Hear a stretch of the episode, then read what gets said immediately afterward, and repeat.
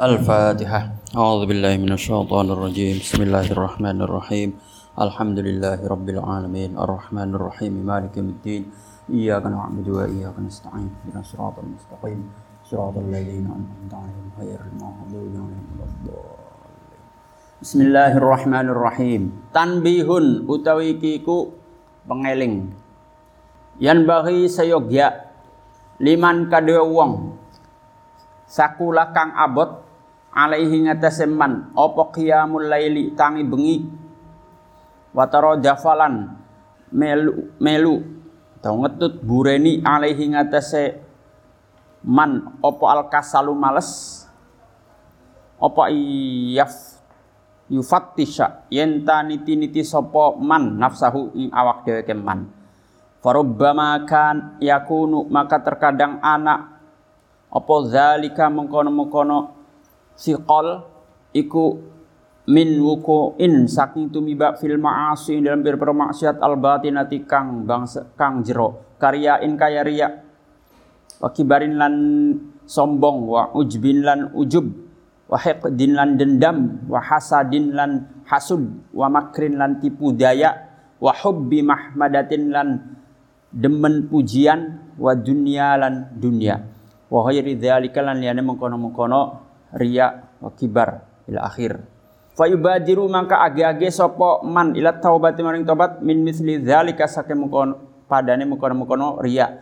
Wa illa laman ora yubadir fa'ala maka agawe sapa man al umuro ing piro-piro perkara al mukaffirata kang lebur az-zunuba ing piro-piro dosa Fa inna dzunuba makastuhne pira-pira dosa iku idza kufirat nalikane dilebur apa dzunub anil abdi saking kaula faqad tahurat maka teman-teman suci apa zatuhu zati abad wa malan perkara baqiya kang tetep apa malah kadue zat.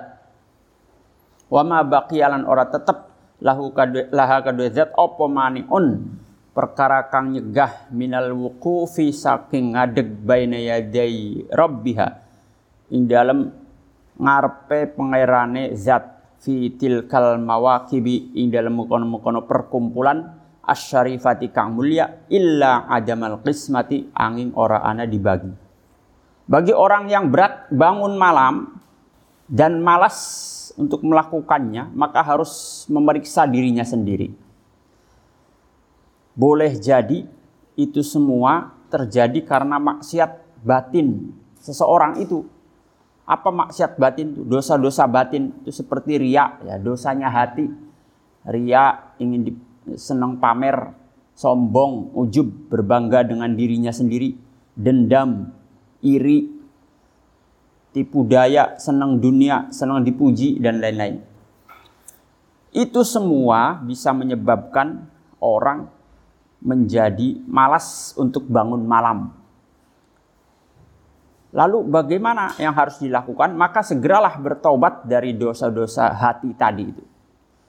Karena kalau dosa sudah dihapus, dia akan kembali suci dan tidak ada lagi yang bisa menghalangi dia untuk bangun malam. Wa kanalan ana di bendara kula afdoluddin Afdoluddini rupane Afdoluddin rahimahu muga-muga melasi ing sidi. Sapa Allah Gusti Allah taala halama halur sapa Allah. Wa nafa'ana lan paring manfaat sapa Allah ing kita. Bi barokatihi kelawan berkah sidi Afdoluddin Iza wajada nalikane nemu sapa abad fi qalbihi dalam ati abad syai'an ing suwiji-wiji minal amradi saking pira-pira penyakit al batinati kang jero yatruku kang ninggal sapa abad kiamal laili ing tangi bengi. Wa yaqulu lan ngucap sapa abad astahi isin sapa isun?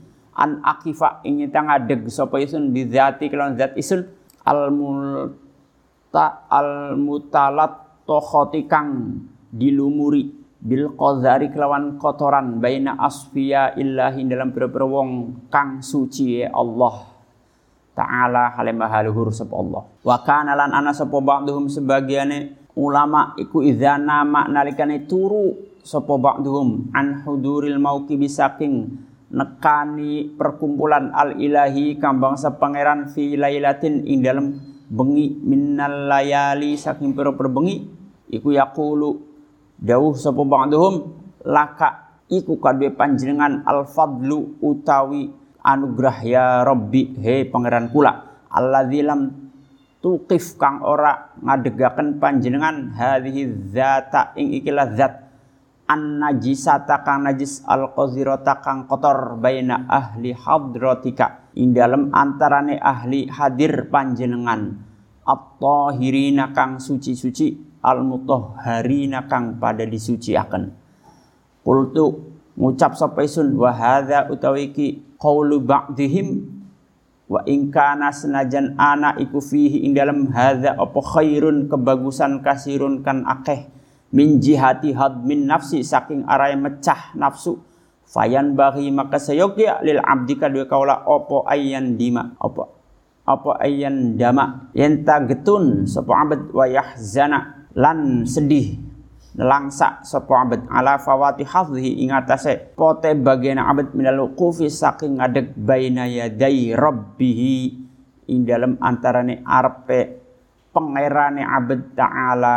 Alemah haluhur sapa Rabb fi tilkal mawaqib dalam kono panggon eh, perkumpulan asyarifati kang mulia.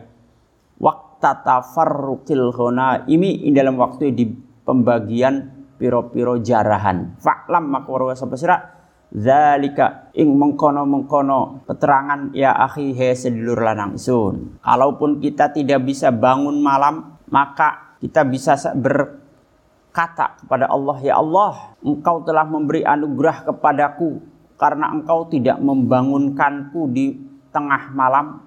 Karena siapa aku ini? Aku hanyalah orang yang kotor, najis, banyak dosanya, tidak pantas jika menghadap kepadamu. Malu rasanya aku, aku menghadap kepadamu."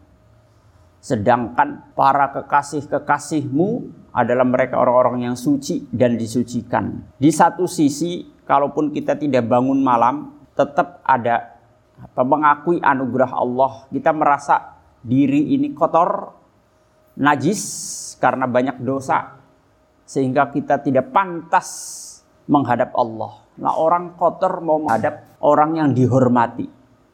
Jangan Allah lah, manusia yang kita hormati, tokoh terhormat, terus kita menghadap kepadanya dalam keadaan pakaian kotor, badan kotor, bau, kan tidak layak, nggak pantas.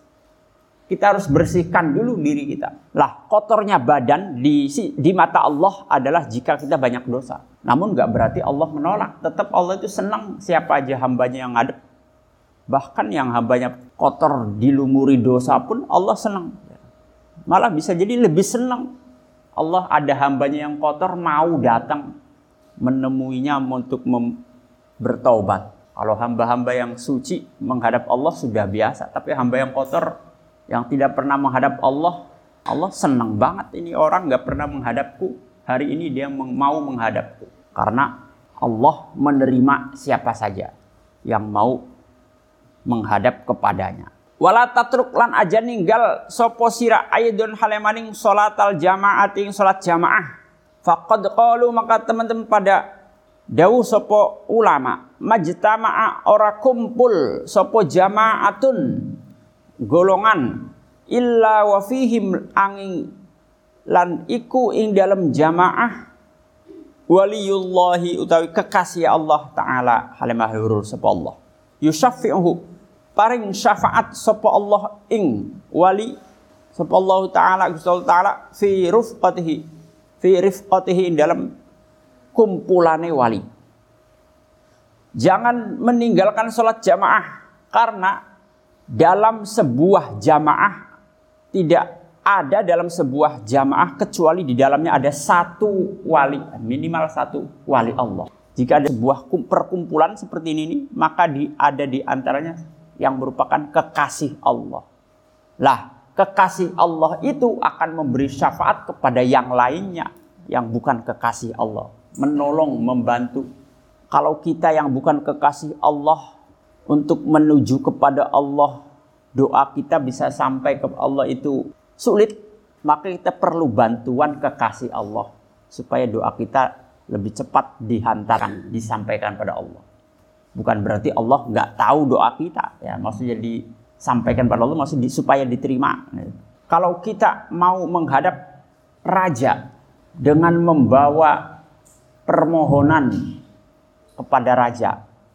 Sedangkan kita ini orang yang jauh hubungannya dengan raja. Bukan kerabatnya raja, bukan kenalannya raja. Raja nggak kenal dengan kita. Hanya rakyat biasa. Kita mau membawa permohonan, maka kita perlu orang yang dekat dengan raja. Supaya lebih cepat ketemu raja. Siapa asisten pribadinya raja ini? Kan dekat dengan raja nih asisten pribadinya nih. Pengawalnya raja yang biasa mengawal raja ke mana-mana ini kan dekat. Kita minta bantuan dia. Supaya kita bisa ketemu dengan raja dengan mudah dan cepat. Ya, kalau tanpa melalui dia, sulit kita bisa ketemu raja. Lah, begitu juga mau menghadap Allah supaya kita membawa permohonan, membawa doa kita berharap doanya dikabul oleh Allah. Lah, kita ini siapa? Orang yang de nggak dekat sama Allah. Allah nggak kenal dengan kita, maksudnya nggak kenal karena kita nggak pernah menghadap, jarang ngadep. Ya. Kalau orang itu biasa menghadap, ya maksud menghadap itu sholat, ya ibadah. Karena rajin ibadah Allah, dekat dengan orang itulah kita ini jarang ibadah, kecuali yang wajib doang. Sehingga jauh hubungan kita dengan Allah mau menemui Allah, kita perlu melalui orang yang dekat dengan Allah.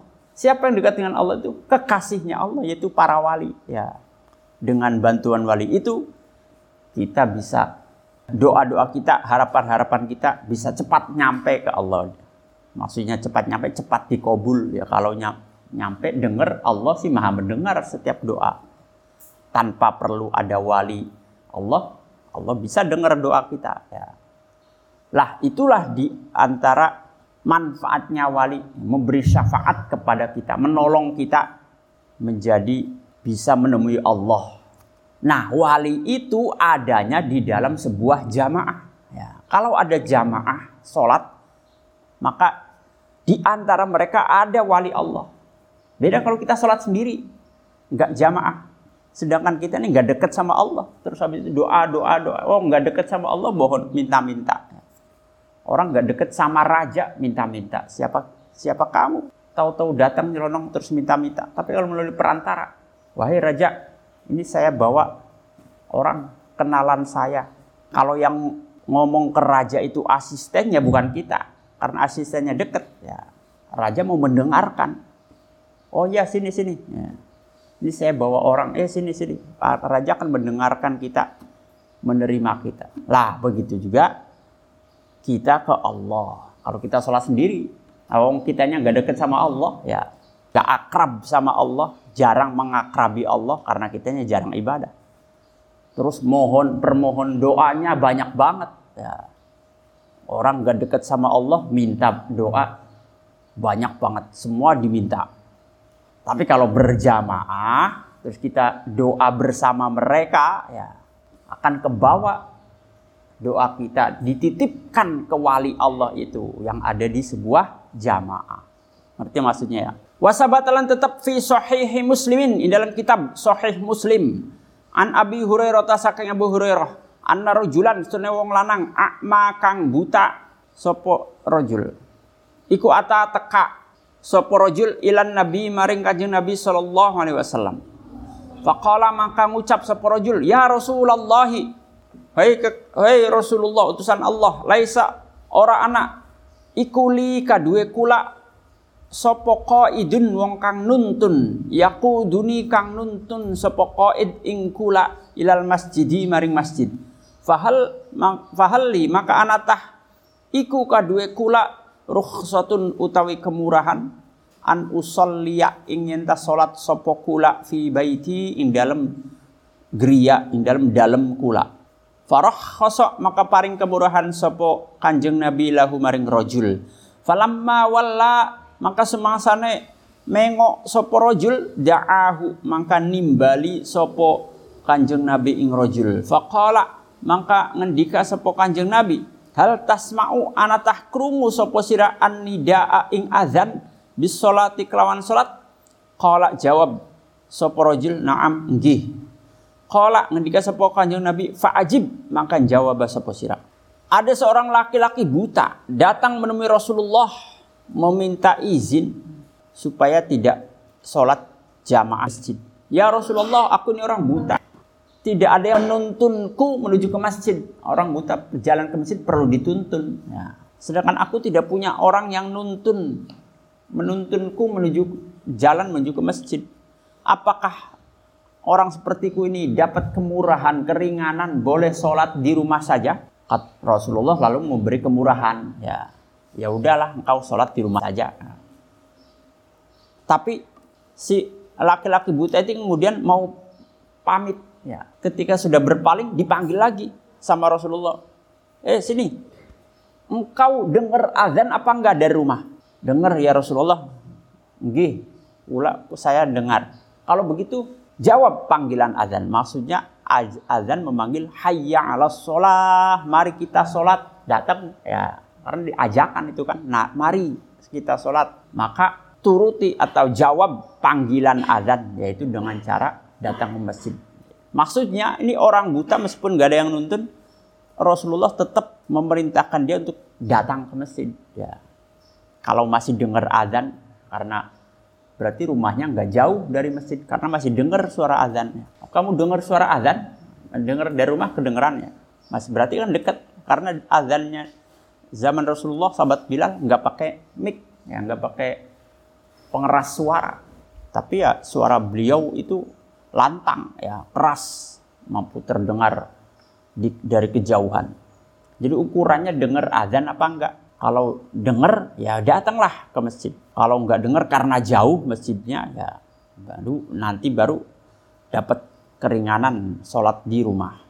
Tapi ini sholat fardu ya. Waktu kanalan teman-teman anak sopo as-salafu ulama kang dingin. Iku yang aduna pada milang-milang. Sopo salaf fawata solatil jamaati ing pote solat jamaah musibatan ing musibah. Waqad waqa'ala teman-teman tumiba opo anna ba'dahum setuhne sebagiannya salaf iku kharaja metu sopo ba'duhum. Ila haitin maring kebon. Lahu kadue ba'duhum. Hait mana asalnya tembok tapi yang dimaksud ini kebun yakni ngerteni sopo Ba'dhum hadikotan ing kebun, hadikota nakhlin ing kebun kurma. Faroja'a maka balik sopo ba'dhum wa qad sallalan teman-teman wis salat sopo annasu manusa bi salatil asri kelawan salat asar. Faqala maka ucap sopo ba'dhum inna lillahi inna sunna kita iku lillahi tetep kadu tetep kadu Allah. Patatni pot ing isun opo salatul jamaati salat jamaah ushidukum akan sapa isun ing sira kabeh. Ala annaha iti ing atase setuhune kebon isun iku alal masak eh alal masakin ing atase pira miskin. Apa sodako op iku sodakotun sodak atau alal masakin ing iku alal masakin ing atase pira miskin. Sodakotan hale dari sedekah. Wafatat lan pot Abdullah bin Umar ing Abdullah bin Umar radhiyallahu anhuma anhuma saking Abdullah lan Umar. Opo salatul isya'i salat isya fil jama'ati dalam jamaah. Fasalla maka salat sopo Abdullah tilkal lailati ing tilkal lailata ing dalam mukon-mukon bengi hatta tola sehingga metu opal fajru fajar. Jabron karena nambal lima maring perkara fatahu kang pot opo ma ing Abdullah min salatil isya'i saking salat isya fil jama'ati dalam jamaah. Ada sebagian ulama terdahulu suatu ketika dia keluar menuju kebun kurmanya untuk mengurusi kebun kurmanya. Sampai putus pulang dari kebun ketika pulang ternyata orang-orang udah pada selesai sholat asar.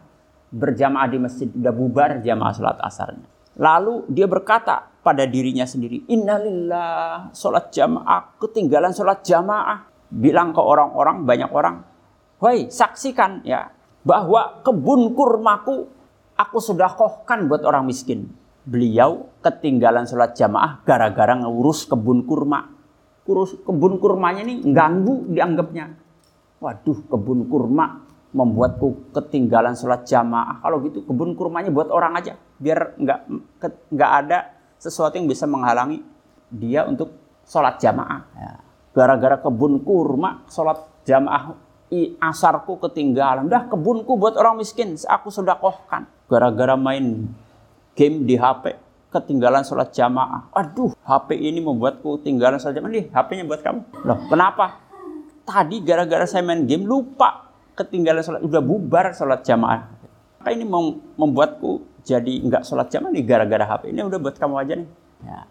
Tapi ya itu jadi mestinya orangnya kaya ya senang jamaah dan kaya nggak masalah satu kebun kurma itu masih ada yang lain juga hartanya. Suatu ketika juga Abdullah bin Umar, sahabat Nabi, ya, putranya sahabat Umar bin Khattab, ketinggalan sholat jamaah Isya dalam suatu malam. Sehingga beliau merasa ada yang kurang. Ya, sholatnya jadinya sendirian. Nah, untuk menambal kekurangannya karena nggak sholat jamaah Isya, padahal cuma satu malam ketinggalan. Maka beliau sholat sampai subuh demi menambal ketinggalan tidak berjamaah. Akhirnya sholat terus sampai subuh. Ya. Nah kalau kita biasa aja nggak sholat jamaah. Wa an Ubaidillah bin Umar Ubaidillah bin Umar al Qawariri kambah sakuarir. Rahimahu muga-muga melasing Ubaidillah sapa Allahu Gusti Allah taala kalimah lur sapa Allah. Iku kala ngendika sapa Ubaidillah lam takun ora anak iku tafutuni ngepoti ing isun opo salatun salat fil jamaatin dalam jamaah. Fanazala maka manggon bi kelon isun sapa daifun tamu. Fasyahil tu maka ketungkul isun. Bisa babi kelon sebab daif an salatil isya'i saking salat isya fil masjidin dalam masjid. Fa kharajtu maka metu sapa isun. Atlubu halen pri sapa isun al masjida ing masjid. Li usolliya supaya salat isun fihi dalam masjid. Ma'an nasi serta manusia Faizan maka dumadaan al masajidu utawi pira-pira masjid. Kulluha ya sakabehane masajid iku qad shalla teman-teman wis salat sapa ahluha ahli masajid. Wa huliqat lan ditutup apa masajid? Faraja'tu maka balik sapa isun ila baiti maring umah isun. Wa anak hal isun ku hazinun wong kang nelangsa ala fawati salatil jamaati ingat saya pote salat jamaah. Fakultu maka ngucap sapa isun Waradat Mekah fil hadis in dalam hadis. Inna solatal jamaati sunnah solat jamaah iku tazidu. Tambah apa solat jamaah ala solatil fadzi ingat ya solat dewekan sab'an wa isrina ing pitulikur derajat. Fasolah itu maka solat sabisun al isya ing isya sab'an wa isrina ing pitulikur solat sab'an wa isrina ing pitulikur apane marrotan ambalane. Semanumtu maka kari-kari turu sapa isun faro ai tuni maka ningali sapa isun ing isun. Fil maname ing dalam turu ala farosin ing atase jaran ma'a qaumin serta qaum ala khailin ing atase jaran. Wa hum utawi qaum iku amami ing dalam arab isun. Wa ana utawi isun iku arkudu memacu sapa isun farosi ing jaran isun khalfahum dalam buriye kaum fala ulhiquhum maka orang nusul sapa isun ing kaum. Faltafata mangka noleh ilayya maring isun sapa wahidun wong siji minhum saking kaum. Wa qala lan ngucap sapa wahid tut ibu maya haken sapa sira? Farosaka ing jaran sira. Falasta maka ora ana sapa sira iku. Tulhiquna nusuli atau nemuni sopo ing kita. Fakultu maka ucap sapa isun, walima lan karena apa? Ya akhi he sedulur lanang isun. Qala ngucap sapa wahid li anna karena kita iku selaina salat sapa kita al isya ing isya fil jamaati lam jamaah wa anta utawi sira iku selaita salat sapa sira wahdaka hale suwiji sira fastaiqaztu mangka tangi sapa isun wa ana utawi isun ku mahmumun wong kang sedih hazinun tur kang nelangsa dari Ubaidillah Al-Qawariri berkata, suatu eh aku tidak pernah ketinggalan sholat jamaah sekalipun. Tapi pada suatu waktu ada tamu datang ke rumahku. Lalu aku sibuk melayani tamu itu sehingga aku tertinggal sholat jamaah isya. Padahal melayani tamu juga kewajiban. Ya ini akhlaknya orang-orang soleh melayani tamu. Tamu itu dihormati, dikasih jamuan, makanan diajak ngobrol, itu akhlaknya orang soleh menyambut tamu dengan baik. Bukan karena dosa padahal sih, karena sedang menyambut tamu. Ya, ada tamu datang ke rumah sehingga sibuk melayani tamu, meladeni tamu, menghormati tamu sampai akhirnya beliau Ubaidillah Al-Qawariri ketinggalan sholat isya. Ketika setelah tamu pulang, lalu beliau keluar dari rumah mencari masjid. Masjid mana yang belum jamaah Isya? Masjid ini selesai. Di LPI sudah selesai. Mertapada sudah selesai. Masjid dicari masjid mana yang belum sholat jamaah Isya. Ternyata semua masjid sudah selesai sholat jamaah semua. Bahkan sudah ditutup pintunya masjid. Lalu beliau ingat suatu hadis. Nah, beliau sedih dan ingat ada hadis bahwa sholat jamaah itu pahalanya 27 kali lipat daripada sholat sendirian. Ya, karena ingat hadis itu, akhirnya beliau sholat isya sendirian. Tapi 27 kali sholatnya. Ya, udah jamaah udah pada bubar, ya udah terpaksa sholat sendirian deh. Supaya imbang pahalanya dengan yang berjamaah, sholat isya dilakukan sebanyak 27 kali. Dan begitu tuh boleh ya, mengulang sholat padahal kita sudah sholat itu disunahkan. Tapi kalau sampai 27 kali ya tentu berat ya kalau buat kita sekali aja malas. Wong yang penting udah ngelakuin wajib kok mau sholat lagi. Ini sampai 27 kali beliau dengan harapan pahalanya bisa imbang dari dengan orang sholat jamaah. Setelah itu beliau tidur. Di tidurnya beliau bermimpi sedang naik kuda. Sedangkan banyak orang juga sama sedang naik kuda tapi berada di depan beliau semua. Semua berlari menuju ke depan, beliau paling belakang. Karena ketinggalan paling belakang, beliau pun memacu kudanya supaya berlari cepat. Supaya nggak ketinggalan. Meskipun si kuda ini sudah berlari cepat, tetap aja nggak bisa ngejar. Ketinggalan terus. Sampai ada salah satu dari sekian banyak orang itu nengok. Terus berkata kepada Ubaidillah bin Umar, kamu nggak akan bisa mengejar kami. Seberapapun cepatnya lari kudamu, kamu akan ketinggalan. Nggak akan bisa menyusul kami itu. Loh, kenapa demikian wahai saudaraku? Karena engkau malam ini tidak sholat jamaah. Kami ini semua yang sedang, kami ini semua sholat jamaah Isa. Engkau enggak sholat jamaah. Maka kau ketinggalan terus. Lalu beliau pun bangun dan bersedih. Susah. Ya, meskipun sudah sholat sebanyak 27 kali, tetap saja nggak bisa seimbang dengan yang berjamaah. Padahal sekali kalau jamaah, ya itulah keistimewanya sholat berjamaah. Sholat jamaah Isya, meskipun cuma sekali. Ya, dibanding sholat Isya 27 kali yang sendirian. Masih cepetan sholat jamaah larinya si kuda tuh. Itu padahal yang menyebabkan beliau nggak ketinggalan tadi bukan karena sesuatu yang dilarang bahkan itu harus dilakukan ya menghormati tamu terus masa saat tamunya suruh pulang oh, maaf pak pulang aja ya saya mau sholat isya jamaah atau ditinggal juga nggak enak.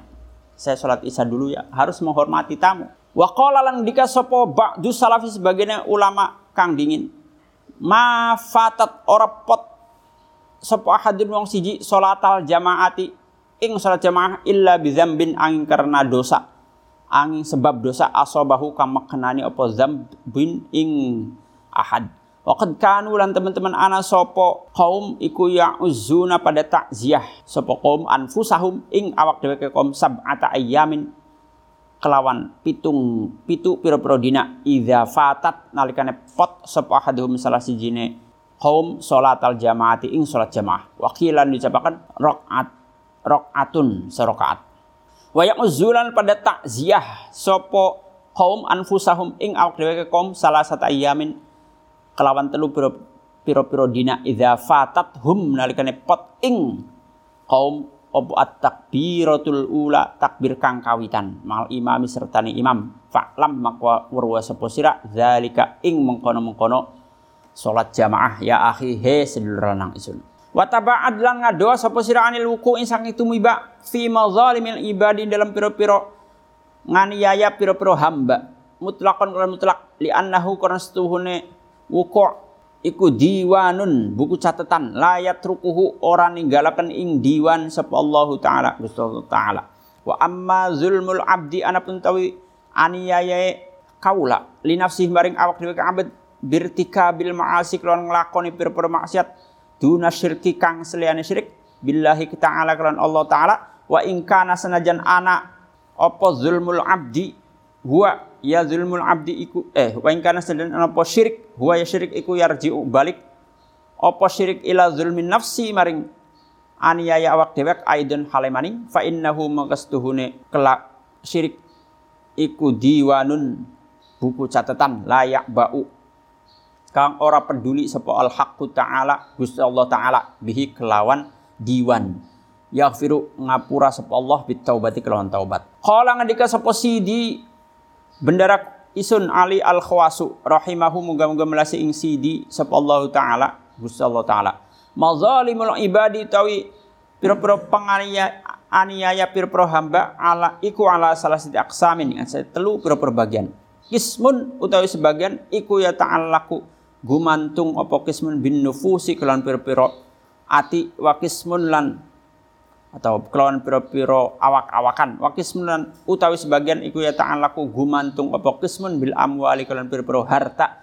Wa kismun utawi sebagian iku ya ta'allaku gumantung apa kismun bil a'radi kelawan piro-piro harga diri. Jauh jauhilah juga banyak menganiaya orang lain karena itu akan menjadi catatan dosa kita yang tidak akan ditinggal oleh Allah akan diungkit oleh Allah nanti di, di akhirat kalau kita nganiaya orang. Kalau nganiaya diri sendiri, ya itu Allah nggak peduli dengan kita, saya menganiaya diri saya sendiri. Zolim pada diri sendiri itu maksudnya berbuat dosa tapi nggak ngelukai orang lain. Ya kalau dosa melukai orang lain itu zolim, mencaci maki orang, menjelek-jelekan orang, apalagi atau itu pakai lisan ya atau pakai anggota tubuh mukul orang, nendang orang yang gak ada sebab apa-apa sampai membunuh. Itu zolim.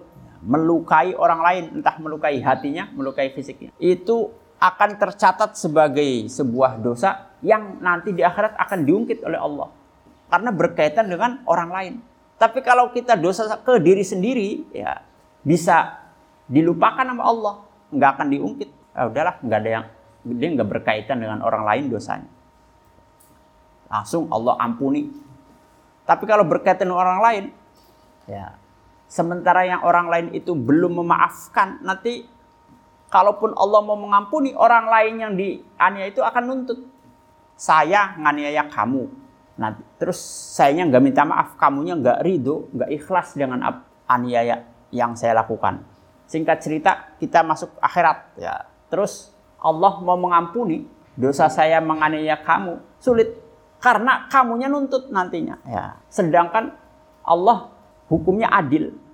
Kalau saya diampuni, kamunya nuntut lah. Ya Allah, tukang Hamdi pernah nganiaya saya waktu dunia. Saya nggak terima, saya mau tuntut sekarang. Ya.